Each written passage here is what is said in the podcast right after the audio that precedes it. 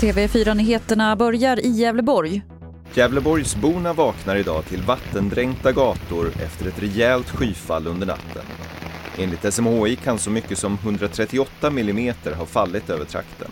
Gävle Dagblad rapporterar att i stort sett alla viadukter i stan nu är översvämmade och utgör en risk för bilister.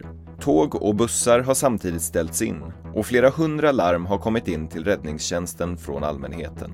Vid tretiden gick räddningstjänsten ut med ett så kallat viktigt meddelande till allmänheten att hålla sig inomhus.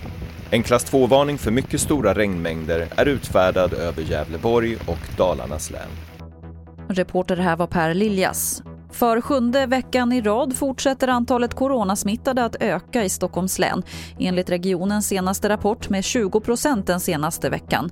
Drygt 40 procent av invånarna är ännu inte vaccinerade med två doser vilket enligt smittskyddsläkare innebär att rekommendationerna måste följas av alla oavsett om man är vaccinerad eller inte.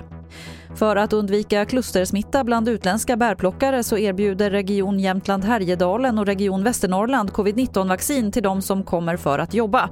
Enligt Länstidningen Östersund räknar man med att uppemot 800 bärplockare ska erbjudas vaccin de närmaste veckorna. Det var det senaste från TV4 Nyheterna. Jag heter Lotta Wall.